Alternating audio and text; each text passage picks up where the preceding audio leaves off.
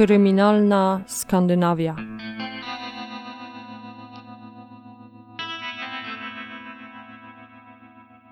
Ten podcast zawiera opisy brutalnych przestępstw i może nie być odpowiedni dla małoletnich słuchaczy. Dziś przenosimy się do Arvika w województwie Värmland, około 400 km na zachód od Sztokholmu. Lato 1998 roku nie należało do najcieplejszych. Jednakże w ostatni dzień wakacji dzieciaki mogły korzystać z zajście pięknej pogody. Śmiech i gwar nie zwiastował rozpoczęcia roku szkolnego. W ten przepełniony promieniami słonecznymi dzień każdy chciał wykorzystać ostatni moment wakacji na beztroską zabawę. Jest 16 sierpnia 1998 roku, niedziela. O godzinie 21.22 ambulans wyruszył na wezwanie o topielcu do dzielnicy Dottewik w Arwika. Okazało się, że to dziadek odnalazł swojego wnuka w wodzie i potrzebują natychmiastowej pomocy. Po przybyciu na miejsce ratownicy zobaczyli kobietę trzymającą dziecko owinięte w bluzę. Kobieta próbowała robić sztuczne oddychanie. Była to babcia czteroletniego chłopca. Ratownicy przejęli chłopca i kontynuowali walkę o jego życie. Szybko zarządzono transport do szpitala. Dziewięć minut po wysłaniu ambulansu na miejsce wysłano również patrol policji. Kent Gustafson, który tej nocy miał dyżur na komendzie, doskonale znał okolice, w której doszło do wypadku. Dlatego dotarcie na miejsce nie zajęło dużo czasu. O godzinie 21.39 byli już na miejscu. Pobliżu zebrało się sporo ludzi, co ułatwiło policjantom zlokalizowanie miejsca zdarzenia. Policjanci Kent Gustafson oraz Mats Berling spotkali sanitariuszy, którzy byli w drodze do szpitala. Na miejsce niezwłocznie przybywa matka chłopca.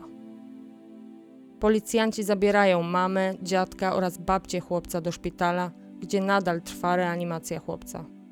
Po przybyciu do szpitala policjanci rozmawiają z rodziną. Chłopiec to czteroletni Kevin Jalmaszon. Do godziny 16 Kevin był w domu u swojej mamy.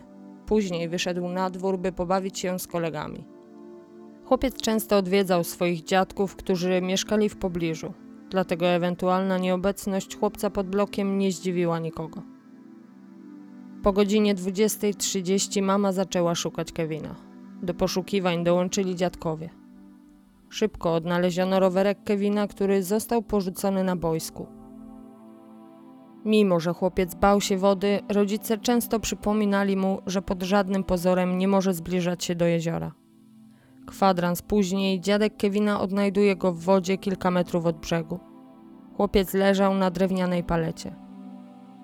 Dziadek wskoczył do wody i przeniósł wnuka na brzeg, gdzie babcia owinęła go bluzą i rozpoczęła się akcja resuscytacji chłopca. Do szpitala przybywają najbliżsi Kevina. Ojciec, który dowiedział się o wypadku od znajomego, natychmiast ruszył do szpitala. Rodzice Kevina nie byli razem.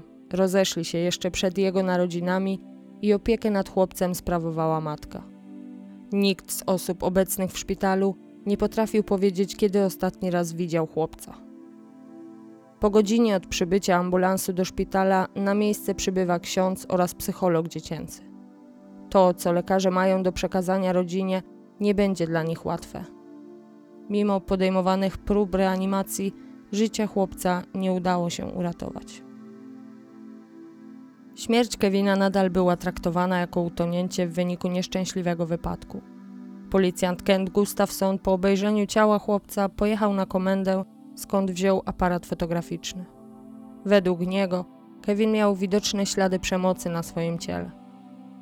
Po wykonaniu kilku zdjęć policjanci pojechali na miejsce, gdzie odnaleziono chłopca, by je zabezpieczyć. Rozłożono taśmy policyjne oraz wydano nakaz 24-godzinnego monitoringu miejsca zdarzenia. Nie jest to procedura, którą wykonuje się za każdym razem przy nieszczęśliwym wypadku, jednak przeczucie policjantów kazało im zachowywać się właśnie w ten sposób. Kentowi przede wszystkim nie dawał spokoju fakt, że chłopiec został odnaleziony na drewnianej palecie kilka metrów od brzegu. Zastanawiał się, czy ktoś Kevinowi nie pomógł się na niego wspiąć, być może jego kolega. Coraz więcej pytań pojawiało się w głowie policjantów. Między innymi, dlaczego tak późno zauważono, że chłopiec zniknął. Dlaczego na jego ciele były ślady przemocy i wreszcie w jaki sposób utopił się czterolatek.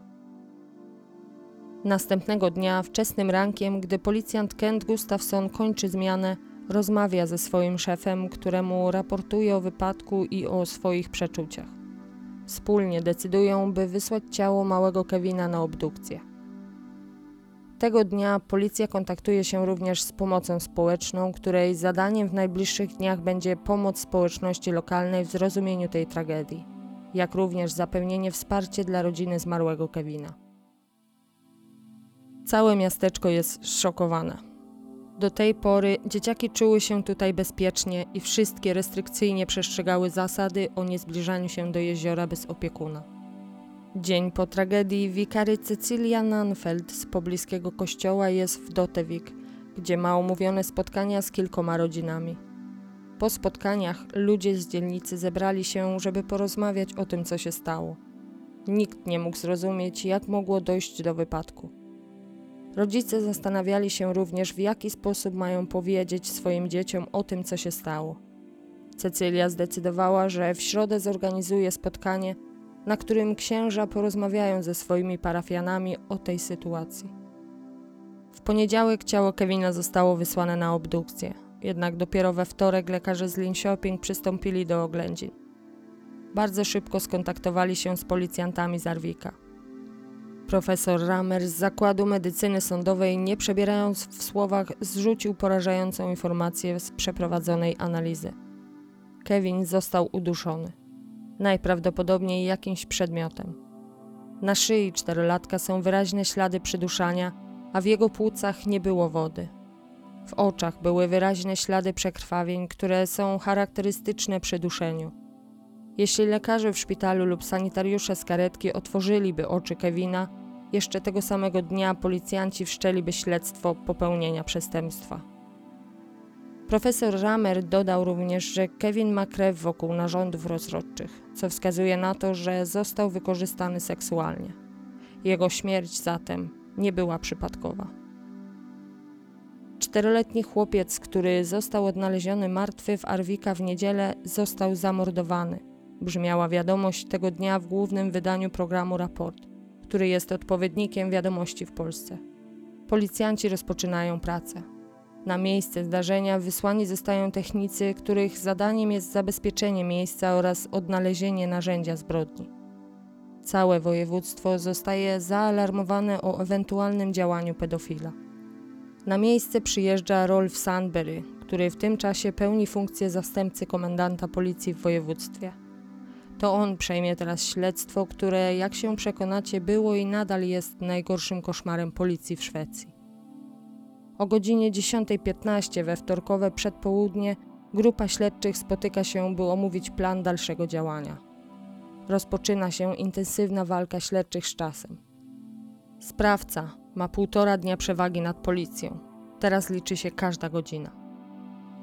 Pierwszy trop, jakim podążają śledczy, to ślady na ciele czteroletniego Kevina. Policjanci skupiają swoją uwagę na tym, że chłopiec został wykorzystany seksualnie. Pierwszym działaniem jest sprawdzenie znanych policji pedofilów w okolicy oraz zbadanie ich alibi na dzień morderstwa. To okazuje się mozolne i czasochłonne. Czas gra na niekorzyść organów ścigania. W domu Kevina policja organizuje przeszukanie. Policjanci dzielą się na podgrupy, z których jedna przesłuchuje sanitariuszy z ambulansu, jak i personel w szpitalu, a druga odwiedza sąsiadów. Nurkowie przeczesują jezioro w pobliżu odnalezienia zwłok. Technicy kryminalni bardzo dokładnie i szczegółowo badają okolice w poszukiwaniu najdrobniejszych śladów, takich jak płyny ustrojowe czy odciski palców na puszkach po piwie, które znajdowały się w pobliżu. W środę 19 sierpnia 1998 roku Rolf Sandberry, który kieruje śledztwem, wysyła policjantów, by ponownie przesłuchali sąsiadów. Rolf jest człowiekiem wręcz pedantycznym, dlatego każda niejasna wzmianka, która jest zapisana w protokole, musi zostać sprawdzona ponownie podczas kolejnej rozmowy z sąsiadami. Policjanci pukają od drzwi do drzwi, by znaleźć świadków tego tragicznego wydarzenia. Życie ofiary, ale i również całej rodziny czterolatka jest teraz pod lupą śledczych. W tę środę udało się również ustalić, że przynajmniej sześć osób z okolic Dotewik słyszało krzyk około godziny 18 w niedzielę. Nikt z tym nic nie zrobił, jedna kobieta zamknęła nawet okno, gdyż myślała, że to krzyczy jakaś inna kobieta. Śledczy wysłali również prośbę do nowo założonej grupy, która zajmowała się profilowaniem sprawcy przestępstwa, ale i również dogłębną analizą zdarzenia. Odpowiedź od nich przyszła dopiero 8 października, czyli prawie po dwóch miesiącach od zdarzenia. Rolf Sandberry decyduje się raportować na bieżąco mediom wszystkie ustalenia i dlatego organizuje konferencję prasową. Spokojnie odpowiada na pytania, na które może odpowiedzieć. Decyduje się również opowiedzieć o tym, że czterolatek został zamordowany oraz wykorzystany seksualnie. Nie ma sensu tego ukrywać przed społeczeństwem. Prędzej czy później takie fakty muszą ujrzeć światło dzienne. Następnego dnia informacje te wywołują burzę. Społeczeństwo Warwika, ale i również w całej Szwecji jest zszokowane i domaga się odpowiedzi, kto zabił Kevina. Media bardzo szybko przybywają do Arwika, by na bieżąco informować o nowych tropach i śladach. Pojawiła się nawet prasa z Norwegii, a dziennikarze m.in. z USA, Wielkiej Brytanii czy Niemiec nieustannie próbują się kontaktować ze śledczymi. Presja, jaką odczuwają śledczy, jest niewyobrażalna. Każdy ich krok jest monitorowany. W czwartek śledczy kontynuują swoje działania. Grupa policjantów odwiedza dzieci z okolicy, które wraz z rodzicami odpowiadają na ich pytania. Jedna z informacji, jakie otrzymują śledczy dzięki takiemu działaniu, to fakt, że grupa trzynastolatków była widziana w pobliżu szkoły, która leży niedaleko jeziora. W gazetach pojawia się artykuł, w którym społeczeństwo może przeczytać o kłamstwach. Zarówno dzieci, jak i dorośli nie mówią nam całej prawdy, czytamy. Niemożliwe bowiem jest, aby nikt nie widział Kevina pomiędzy godziną 16 a 20.30 lub samego zdarzenia, gdy Kevin został zamordowany. Pod koniec tego dnia śledczy mieli trzy główne teorie, które wydawały się najbardziej prawdopodobne. Pierwsza z nich była oczywiście teoria o pedofilu, który zaatakował Kevina. Sporo śladów wskazywało na to, że to właśnie jest najprawdopodobniejsza wersja wydarzeń. Kevin był widziany z jednym ze znanych pedofilów Dotewik tego samego dnia, w którym doszło do zabójstwa. Policja miała również informacje o kilku pedofilach, którzy mieszkali w okolicy. Jeden z nich kilka lat później został skazany na 5 lat więzienia za przemoc seksualną wobec trzyletniego dziecka. Kolejna teoria kręciła się wokół rodziny zamordowanego Kevina. Przyczyną, dla której policjanci rozpoczęli sprawdzanie krewnych, był fakt, że sprawca przemocy zazwyczaj okazuje się znać ofiarę. Do absolutnej rzadkości należała przemoc wobec małych dzieci stosowana przez osoby im nieznane. Trzecia teoria mówiła o tym, że w zbrodnie mogłyby być zamieszane dzieci. To Rolf Sandberry po obejrzeniu zdjęć z okolicy, na których widać krótkie dystanse pomiędzy placem zabaw, boiskiem, szkołą oraz jeziorem, stwierdził, że być może dzieci miały coś wspólnego z wydarzeniami. Jest piątek 21 sierpnia 1998 roku. Od morderstwa czteroletniego Kevina minęło już pięć dni. Policjanci nadal skupiają się na teorii o pedofilu, jednak ich uwaga kieruje się również ku teorii o dzieciach. Po analizie przesłuchań oraz map, które policjanci stworzyli na ich podstawie, wytypowano ośmiu chłopców, którzy tego dnia byli w pobliżu miejsca zbrodni. Brak doświadczenia policjantów z Arwika w przesłuchaniu nieletnich sprawia, że Rolf Sandberry decyduje się poprosić o pomoc kogoś, kto takie doświadczenie posiada. Nawiązuje on kontakt z Ingrid Harrison, która zajmuje się przesłuchaniami dzieci, które były wykorzystywane seksualnie lub narażone na przemoc. Technicy nadal przeszukują teren. Do tej pory udało im się ustalić, że miejsce śmierci chłopca to nie miejsce, w którym go odnaleziono. Buty Kevina oraz jedna skarpetka zostały odnalezione kilka metrów dalej za czerwoną szopą. Tam również odnaleziono złamany patyk, z którego zdjęto odciski dłoni dziecięcej, odciski palców oraz jeden włos. Dodatkowo chłopiec miał piasek w majteczkach. Piasek znajdował się tylko w tym miejscu, gdzie odnaleziono buty. nie w miejscu, gdzie odnaleziono zwłoki. Technicy kryminalni poinformowali policję, że najprawdopodobniej narzędziem zbrodni był patyk znaleziony na miejscu. Został on użyty do uduszenia czterolatka. Odcisk dłoni dziecka na patyku najprawdopodobniej należał do ofiary, która próbowała się bronić chwytając za niego. W sobotę 22 sierpnia do śledczych dochodzą plotki, jakie szerzą się wśród społeczności w Arwika. Według tego, co do nich dotarło, Kevina mieli zamordować nastolatkowie, którzy byli z rodzin imigrantów. Pojawiły się spekulacje, że imigranci zemścili się na szwedzkim dziecku. Policja poprosiła o wsparcie pomocy społecznej, która na każde przesłuchanie z dziećmi lub nastolatkami wysyłała osobę, która nadzorowała przebieg przesłuchania. Nie tylko ze względu na pochodzenie nastolatków bądź dzieci, ale wiek osób, które muszą zostać przesłuchane. Rozmowa z nastolatkami oraz alibi, jakie mieli tego dnia, pozwoliły policjantom uśpić plotki, które nie miały jakiegokolwiek pokrycia z rzeczywistością. Ten trop okazał się mylny. Tego dnia z policją skontaktowała się pewna rodzina. Jeden z ich synów był najlepszym przyjacielem Kevina. Robin, który w tym czasie ma 5 lat, bardzo często spędzał czas z zamordowanym czterolatkiem. Jego starszy brat, siedmioletni Christian, opowiedział ojcu, że widział Kevina tego dnia, gdy wydarzyła się tragedia ze starszymi chłopcami. W drodze na policję młodszy syn, Robin, powiedział do taty, że widział, jak ktoś robił krzywdę Kevinowi. Śledczy zdecydowali się przesłuchać najpierw młodszego syna Robina. Jego informacje mogą okazać się bardzo ważne. Z opowieści ojca wynika, że Robin widział mordercę Kevina. Rozmowa policjantów z dziećmi nie należała do najłatwiejszych. Przesłuchanie, które odbyło się 22 sierpnia 1998 roku, prowadzi Ingrid Harrison. Każdy z chłopców przesłuchiwany jest osobno. Robin nie potrafi usiedzieć na miejscu. Kręci się, ściąga buty, bawi się butelką z piciem. Obok niego siedzi jego ojciec. Christian siedzi przytulony do swojej macochy. Po kilkugodzinnym przesłuchaniu Robin opowiada, że tego dnia widział, jak ktoś zabija Kevina nożem, a potem wrzuca go do wody. Christian potwierdza, że wiedział o tym zdarzeniu, gdyż Robin mu to opowiedział. Christian powiedział o tym Ewie, swojej macosze, tego samego wieczoru. Ewa w późniejszym przesłuchaniu potwierdza, że Christian powiedział jej o morderstwie, którego Robin był świadkiem. Chłopcy wskazali również 13-letniego chłopaka, który miał być sprawcą tego czynu. Nie pamiętali jednak jego nazwiska, a jedynie imię.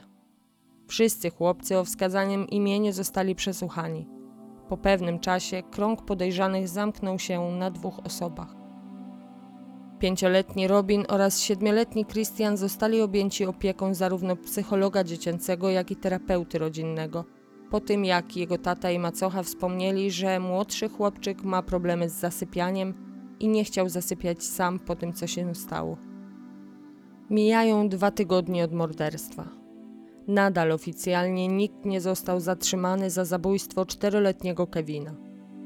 Na tym etapie śledztwa policjanci są skupieni na trzynastolatku, który według jedynych świadków, jakimi są Robin i Christian, był tym, który zamordował czterolatka. Przez kolejne dwa miesiące trzynastolatek był przesłuchiwany każdego dnia. Policjanci przeszukali jego dom oraz zabrali kilka rzeczy, które następnie zostały wysłane do laboratorium w poszukiwaniu śladów.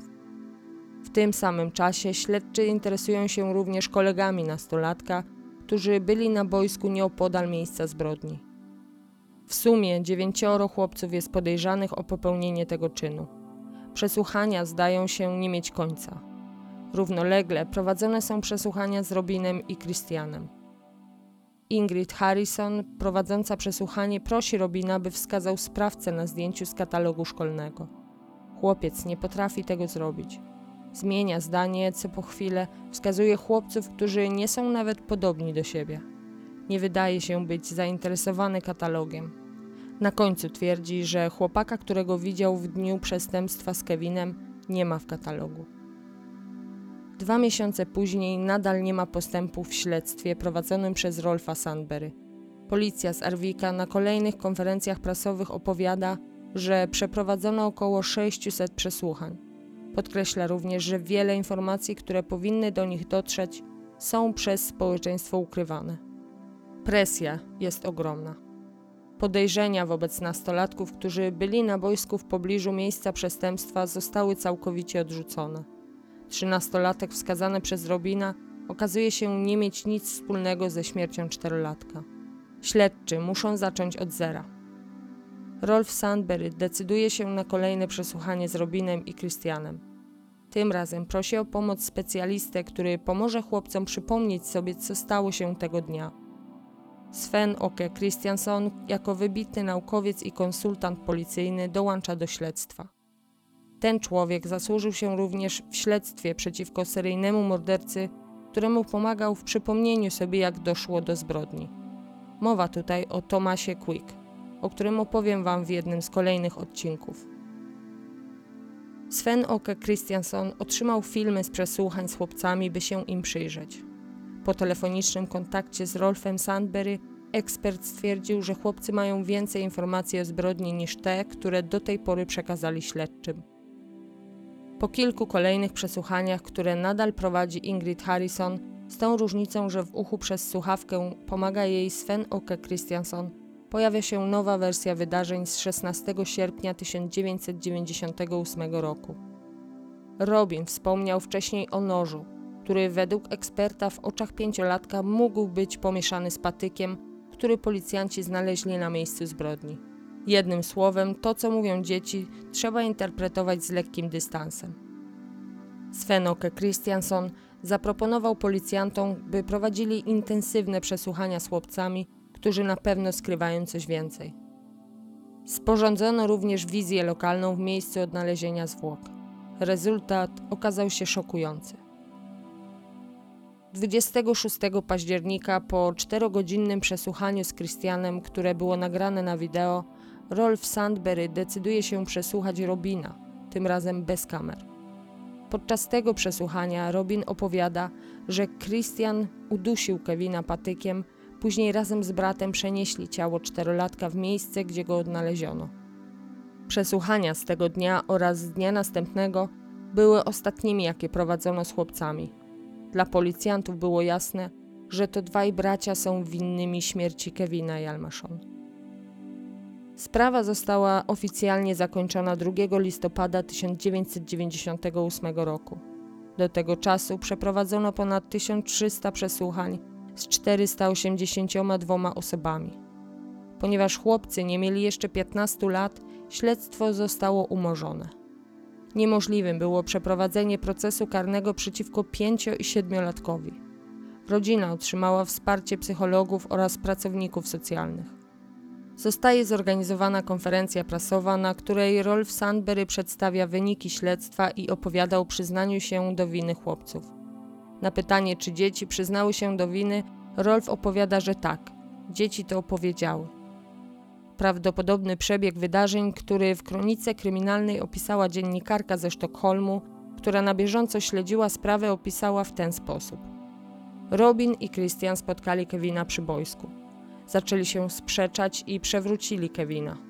Skopali czterolatka, który leżał na ziemi między innymi po narządach płciowych. Kevin zwijał się z bólu. Chłopczyk został uduszony patykiem. Najprawdopodobniej się bronił i próbował odciągnąć patyk swoimi rączkami, na co wskazują odnalezione odciski dłoni dziecka na patyku. Chłopcy powiedzieli, że głos Kevina zmienił barwę, gdy Christian go dusił. Po przeniesieniu ciała chłopcy pobiegli do domu, gdzie opowiedzieli ojcu i macosze o tym, że coś złego stało się Kevinowi. Nikt z dorosłych nie zareagował. Rolf Sandberry był postrzegany jako przykład idealnego policjanta przez wiele lat. Wszyscy znali jego nazwisko, jako tego, który rozwiązał sprawę śmierci Kevina. Zyskał bardzo dużo na tym, że rozwiązał tę skomplikowaną sprawę. Dostał nawet awans. Nigdy wcześniej w Szwecji nie zdarzyło się, by tak małe dzieci dokonały morderstwa, dlatego tą sprawą społeczeństwo żyło jeszcze wiele lat.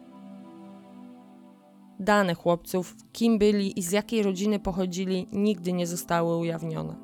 Dostęp do akt sprawy był niemożliwy ze względu na to, że nigdy nie odbył się proces w tej sprawie. Dzieci były zbyt młode. Pomimo tego, Chłopcy mieli bardzo utrudnione dzieciństwo i późniejsze lata życia, o czym opowiedzieli 19 lat później. Jeśli myślicie, że to już koniec, to bardzo się mylicie. Jest rok 2017. Dziennikarz szwedzkiej telewizji Dan Józefsson otrzymał maila, który bardzo go zainteresował. Mail był od docenta psychologii, który napisał, że według niego coś jest dziwnego w śledztwie sprzed 19 lat. Przede wszystkim poprosił dziennikarza, by zapoznał się ze śledztwem z naciskiem na przesłuchania chłopców, które miały miejsce po morderstwie. Według docenta wiele długich przesłuchań dzieci to ogromne ryzyko. Dzieci pod wpływem silnej presji są w stanie wymyśleć rzeczy, które nigdy nie miały miejsca, tylko po to, by zaspokoić osobę, która ich przesłuchuje. Dziennikarz zdecydował się przyjrzeć sprawie. Dan Józefson trzy lata wcześniej zrobił niesamowicie dobry materiał o Tomasie Quick, który otrzymał kilka nagród dziennikarskich. W tym dokumencie podważył on m.in. wiarygodność i kompetencje eksperta Svena Oke Christianson. To ten sam, który pomagał śledczym w sprawie Kevina w rozmowach z dziećmi. Moim zdaniem to właśnie był główny powód, dla którego Dan zajął się tą sprawą. Chciał bowiem przyjrzeć się ekspertowi po raz kolejny.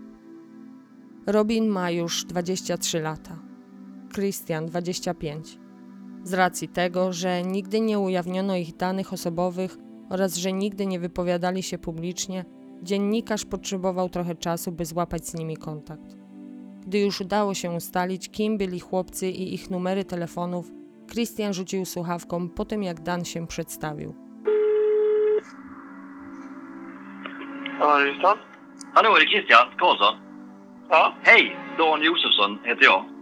Eh, och Po kilku próbach Dan Józefson skontaktował się z ojcem oskarżonych braci, któremu zadał tylko jedno pytanie. Czy jest to w stu procentach pewne, że bracia zrobili to, o co zostali oskarżeni? är det helt säkert att de här två pojkarna gjorde det här? Ojciec odpowiedział, że do tej pory się nad tym zastanawia. Ten sposób nawiązał się kontakt. Ojciec porozmawiał z synami, którzy po pięciu miesiącach namysłu zdecydowali się opowiedzieć swoją historię. Dziennikarzowi udało się spotkać z dorosłymi już braćmi, którzy opowiedzieli o życiu, jakie prowadzili po zakończeniu sprawy śmierci Kevina. Nie mogli rozmawiać z nikim o tym, co się stało. Sami nie chcieli nawet tego robić, bo obawiali się reakcji innych osób. Był to temat tabu. Sami nie pamiętają zbyt wiele z tamtych lat. Jednak oboje mieli wrażenie, że nie jest możliwe, by zapomnieli o morderstwie, które rzekomo popełnili. Gdy byli już na tyle dorośli, by zrozumieć, co się stało, czytali artykuły, programy o tym, co się stało, jednak nie czuli, by to, co pisano, było prawdą. Im więcej czytali o sprawie, tym więcej pytań pojawiało się w ich głowach. Wszystko jednak wskazywało na to, że wyparli z pamięci wydarzenia z 16 sierpnia 1998 roku. Ojciec wielokrotnie powtarzał chłopakom, by nie myśleli o tym, co się stało, bo to nie ma sensu. Bracia musieli zaakceptować, że byli winnymi przestępstwa, którego nawet nie pamiętają. Oboje otrzymywali pogróżki, zazwyczaj anonimowe przez internet. Mimo, że sprawa była im nieznana, żyli nią przez cały okres dorastania. Pomoc socjalna próbowała umieścić Krystiana w domu zastępczym, jednak nikt nie chciał zająć się chłopcem po tym, co się stało. Krystian został więc u ojca. Dziennikarz był przekonany, że rodzina miała dostęp do akt sprawy, jednak szybko okazało się, że był w błędzie. Dan Józefson, dziennikarz szwedzkiej telewizji, próbował wyciągnąć akta sprawy. Jednak, jak wcześniej wspomniałam, nie było to możliwe, ze względu na to, że nie odbył się proces. Postanowił więc skontaktować się z tymi, którzy byli zaangażowani w sprawę Kevina. Poprosił ich o wywiad do nowego dokumentu telewizyjnego o sprawie. Jako, że bracia nie chcieliby informacja o ich udziale w programie dotarła do śledczych, dziennikarz postanowił nie wspominać swoim gościom o tym, że ma z nimi kontakt.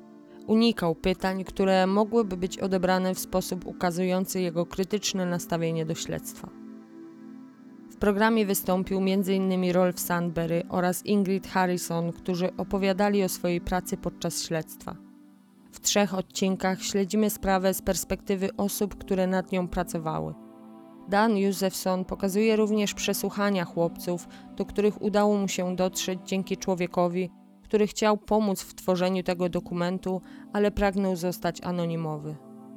Analiza, jaką wykonuje dziennikarz w dokumencie, stawia sprawę w troszeczkę innym świetle. Goście programu często wspominają o presji, jaka na nich ciążyła, zarówno ze strony społeczeństwa, ale i prasy. Wszyscy domagali się odpowiedzi. Po zapoznaniu się z dokumentem przedstawię najważniejsze wnioski, do jakich doszedł dziennikarz Dan Józefson. Jest to istotne w całościowym zrozumieniu sprawy. Wiemy, że najważniejszym dowodem było samo przyznanie się do winy braci Robina i Krystiana. Jak ono wyglądało? Rolf Sandberry opowiada, jak chłopcy przyznali się do winy i jak dużo czasu zajęło śledczym zbliżenie się do braci na tyle, by opowiedzieli, co się wydarzyło tego feralnego wieczoru. Zaznacza, że ich zeznania były całkowicie wiarygodne i dokładne. Wspomina również, że opowieść, jaką bracia przedstawili, była spójna i nie było żadnych wątpliwości, że byli sprawcami. Ingrid Harrison ma już nieco inny obraz przyznania się do winy. Opowiada, że nie było to tak oczywiste. Nie było opowieści ze strony chłopców, jednak szczegóły, które podali, mogły być znane tylko sprawcy tej zbrodni. Taki sam obraz jak Ingrid przedstawia Henry Nilsson, który również prowadził śledztwo od początku. Dzieci nie opowiedziały historii, w jaki sposób doszło do zbrodni. To, co opowiadali, zazwyczaj nie miało sensu. Jednak nie można było oczekiwać od pięcio- i siedmiolatka konkretnej opowieści całego zdarzenia. Henry zaznacza, że nadal ma przeczucie, że coś w tej sprawie nie zostało powiedziane. Długo nie mógł zrozumieć, w jaki sposób dzieci mogły dokonać zbrodni, o którą zostali oskarżeni. Z tego, co chłopcy mówili w przesłuchaniach, Henry nie potrafił odczytać dokładnego przebiegu wydarzeń tego feralnego wieczoru. W jaki sposób wyglądały przesłuchania? Jak wspominałam wcześniej, na pierwszych przesłuchaniach chłopcy byli wtuleni w rodziców, kręcili się i wiercili. Widać było, że nie są zainteresowani rozmową z policjantami. Robin był pięcioletnim chłopcem. Z dzieckiem w tym wieku bardzo ciężko jest rozmawiać, gdy traci zainteresowanie. Nie skupia się na pytaniach, kręci się i bawi się różnymi przedmiotami. Robin najczęściej bawił się swoimi butami. Christian był bardzo opanowany, jednak nie zainteresowany rozmowami. Dzieci po kilku przesłuchaniach stają się bardziej nerwowe. Widać na nagraniach, że są zmęczone i znudzone. Christian na jednym z filmików zaczyna się kołysać. Nie wiem, czy wiecie, ale kołysanie jest jednym z objawów choroby sierocej. Jednak nie zawsze musi oznaczać, że dziecko jest chore. Kołysanie się to sposób na uspokojenie się, wyciszenie, ale i na nudę. Jedno jest pewne: przesłuchania nie były łatwe ani dla śledczych, ani dla chłopców. Tylko na początku towarzyszyli im rodzice. Później dzieci były już przesłuchiwane tylko w towarzystwie Ingrid i innych policjantów. Często prosili, by mama mogła przyjść. Prośby te najczęściej nie były spełniane. Ingrid Harrison wspomniała w dokumencie telewizji szwedzkiej, że chłopcy znali detale, które znał tylko morderca oraz policjanci. Po analizie taśmy z przesłuchań dziennikarz Dan Józefson udowadnia, że to właśnie m.in. Ingrid podała chłopcom owe szczegóły. Dużo pytań, które zostały zadane braciom, były sugerujące. W zasadzie w pytaniu znajdowała się odpowiedź. Pamiętacie, że wspominałam, że Christian powiedział swojej macosze o tym, że Robin widział, jak Kevinowi stała się krzywda? Policja musiała oczywiście potwierdzić te informacje z macochą. Problem w tym, że kobieta w tym czasie jest na oddziale psychiatrycznym. Szok, jakiego doznała w momencie, gdy dowiedziała się, że chłopcy widzieli zabójstwo, sprawił, że potrzebowała opieki medycznej. Mentalnie była wykończona. Śledczy odwiedzili ją w szpitalu, w momencie, gdy macocha była na silnych lekach. Wtedy kobieta powiedziałaby cokolwiek, by tylko sobie poszli. W ten sposób śledczy potwierdzili informację, że macocha wiedziała o wydarzeniach. Dziś kobieta twierdzi, że chłopcy nic nie wspominali o tym, a gdy dowiedziała się o tym podczas przesłuchania z Christianem, doznała szoku, po którym doszło do załamania nerwowego. Wizje lokalne, które według eksperta Svena Oke Christianson miały pomóc chłopcom przypomnieć sobie szczegóły, za każdym razem kończyły się fiaskiem. Bracia wskazują miejsca, które nie zgadzają się z ustaleniami policji. Mieli również wskazać miejsce, w którym mieszkał sprawca, który pojawił się w opowieściach Robina na samym początku śledztwa. Chłopcy wskazują miejsce, w którym nie mieszka nikt, kto mógłby mieć z tą sprawą cokolwiek wspólnego. Samo przyznanie się chłopców do winy miało nastąpić podczas rozmów, jakie Rolf Sandberry prowadził z chłopcami. Rozmowy te nie zostały nagrane. Rolf sporządził tylko krótką notatkę po tych rozmowach. Na konferencji prasowej przedstawił również prawdopodobny przebieg wydarzeń. Według Rolfa, to pięcioletni Robin opowiedział o tym, jak Christian zabił Kevina, a następnie wspólnie wrzucili go do jeziora. Po tym zeznaniu śledczy nie przesłuchali już Christiana. Nie dali mu szansy na potwierdzenie lub zdementowanie tych informacji. Na żadnym z nagrań, które obejrzał dziennikarz Dan Józefson, a dotarł on do wszystkich nagrań z przesłuchań, żaden z chłopców nie przyznał się do winy. Dan Józefson zastanawiał się również, jakie dowody posiadali śledczy oprócz przyznania się do winy. Technik kryminalny Dan Ross opowiada, że udało im się odnaleźć narzędzie zbrodni, którym był patyk. Zabezpieczono z niego odciski palców, które później porównywano z podejrzanymi osobami, które stopniowo pojawiały się w śledztwie. Nie udało się ich jednak dopasować do nikogo. Odciski palców nie pasowały nawet do Robina i Christiana, którzy później zostali oskarżeni o tą zbrodnię. Założono zatem, że były to odciski Kevina. Jednak nigdy tego nie sprawdzono. Nigdy nie pobrano odcisków palców Kevina. Henry Nilsson, śledczy, który prowadził sprawę Kevina od samego początku, wypowiedział się w programie, że całe rozwiązanie było oparte na zeznaniach braci. Gdyby nie ich przyznanie się do winy, być może sprawa nigdy nie zostałaby rozwiązana. Śledczy całkowicie odrzucili alibi, jakie chłopcy mieli na dzień morderstwa. U rodzeństwa znajdowali się goście. Ich dzieci bawiły się z chłopcami pod oknami bloku, w którym mieszkali. Rodzina oraz goście cały czas powtarzali policji, że Robin i Christian nie ruszali się spod bloku. Dzieci, które się z nimi bawiły, również cały czas powtarzały, że nie oddalali się ani na krok. Po zabawie pod blokiem cała rodzina wraz z gośćmi pojechała na ryby.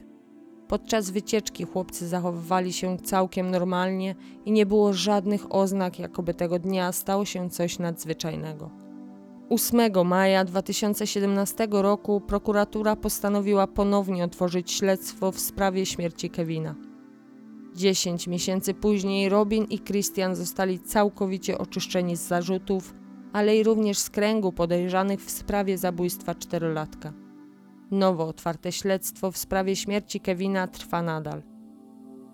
Dan Józefson został nagrodzony za ten dokument. Sprawa Kevina jest jednym z największych skandali prawnych w Szwecji. Przez 19 lat bracia żyli z poczuciem winy. Wielokrotnie otrzymywali pogróżki. Byli stygmatyzowani. Być może wkrótce ponownie wrócę do tej sprawy. Kilka słów ode mnie. Byłam przekonana, że w wakacje znajdę więcej czasu na to, by pisać, nagrywać i wrzucać. Okazuje się jednak, że wakacje można poświęcić również na naukę, nie tylko na hobby, zabawę i pracę. Staram się to wszystko pogodzić, ale czasami po prostu nie daję rady. Dzięki serdecznie za suby, lajki i komentarze. To bardzo motywuje do dalszej pracy. Wszystkie Wasze podpowiedzi, sugestie i poprawki są dla mnie bardzo ważne. Sporo komentarzy odnosi się do błędów, jakie popełniam w podcaście i nie mam absolutnie nic na swoje wytłumaczenie. Co dziś znajdziecie? Być może i ja nauczę się czegoś od Was. Pamiętajcie, że na Insta znajdziecie zdjęcia ze sprawy, a na story info odnośnie następnych odcinków. Na moim kanale na YouTube znajdziecie również playlistę, w której są filmiki przeze mnie znalezione o sprawie. Pozdrawiam i do usłyszenia. PS. Podczas jednego z przesłuchań, gdzie mały Robin ma opowiedzieć, jak na imię miał sprawca przestępstwa, znudzony już mocno chłopczyk odpowiada Gujul, czyli wesołych świąt. God jul. Nej. Where did you go? I'm at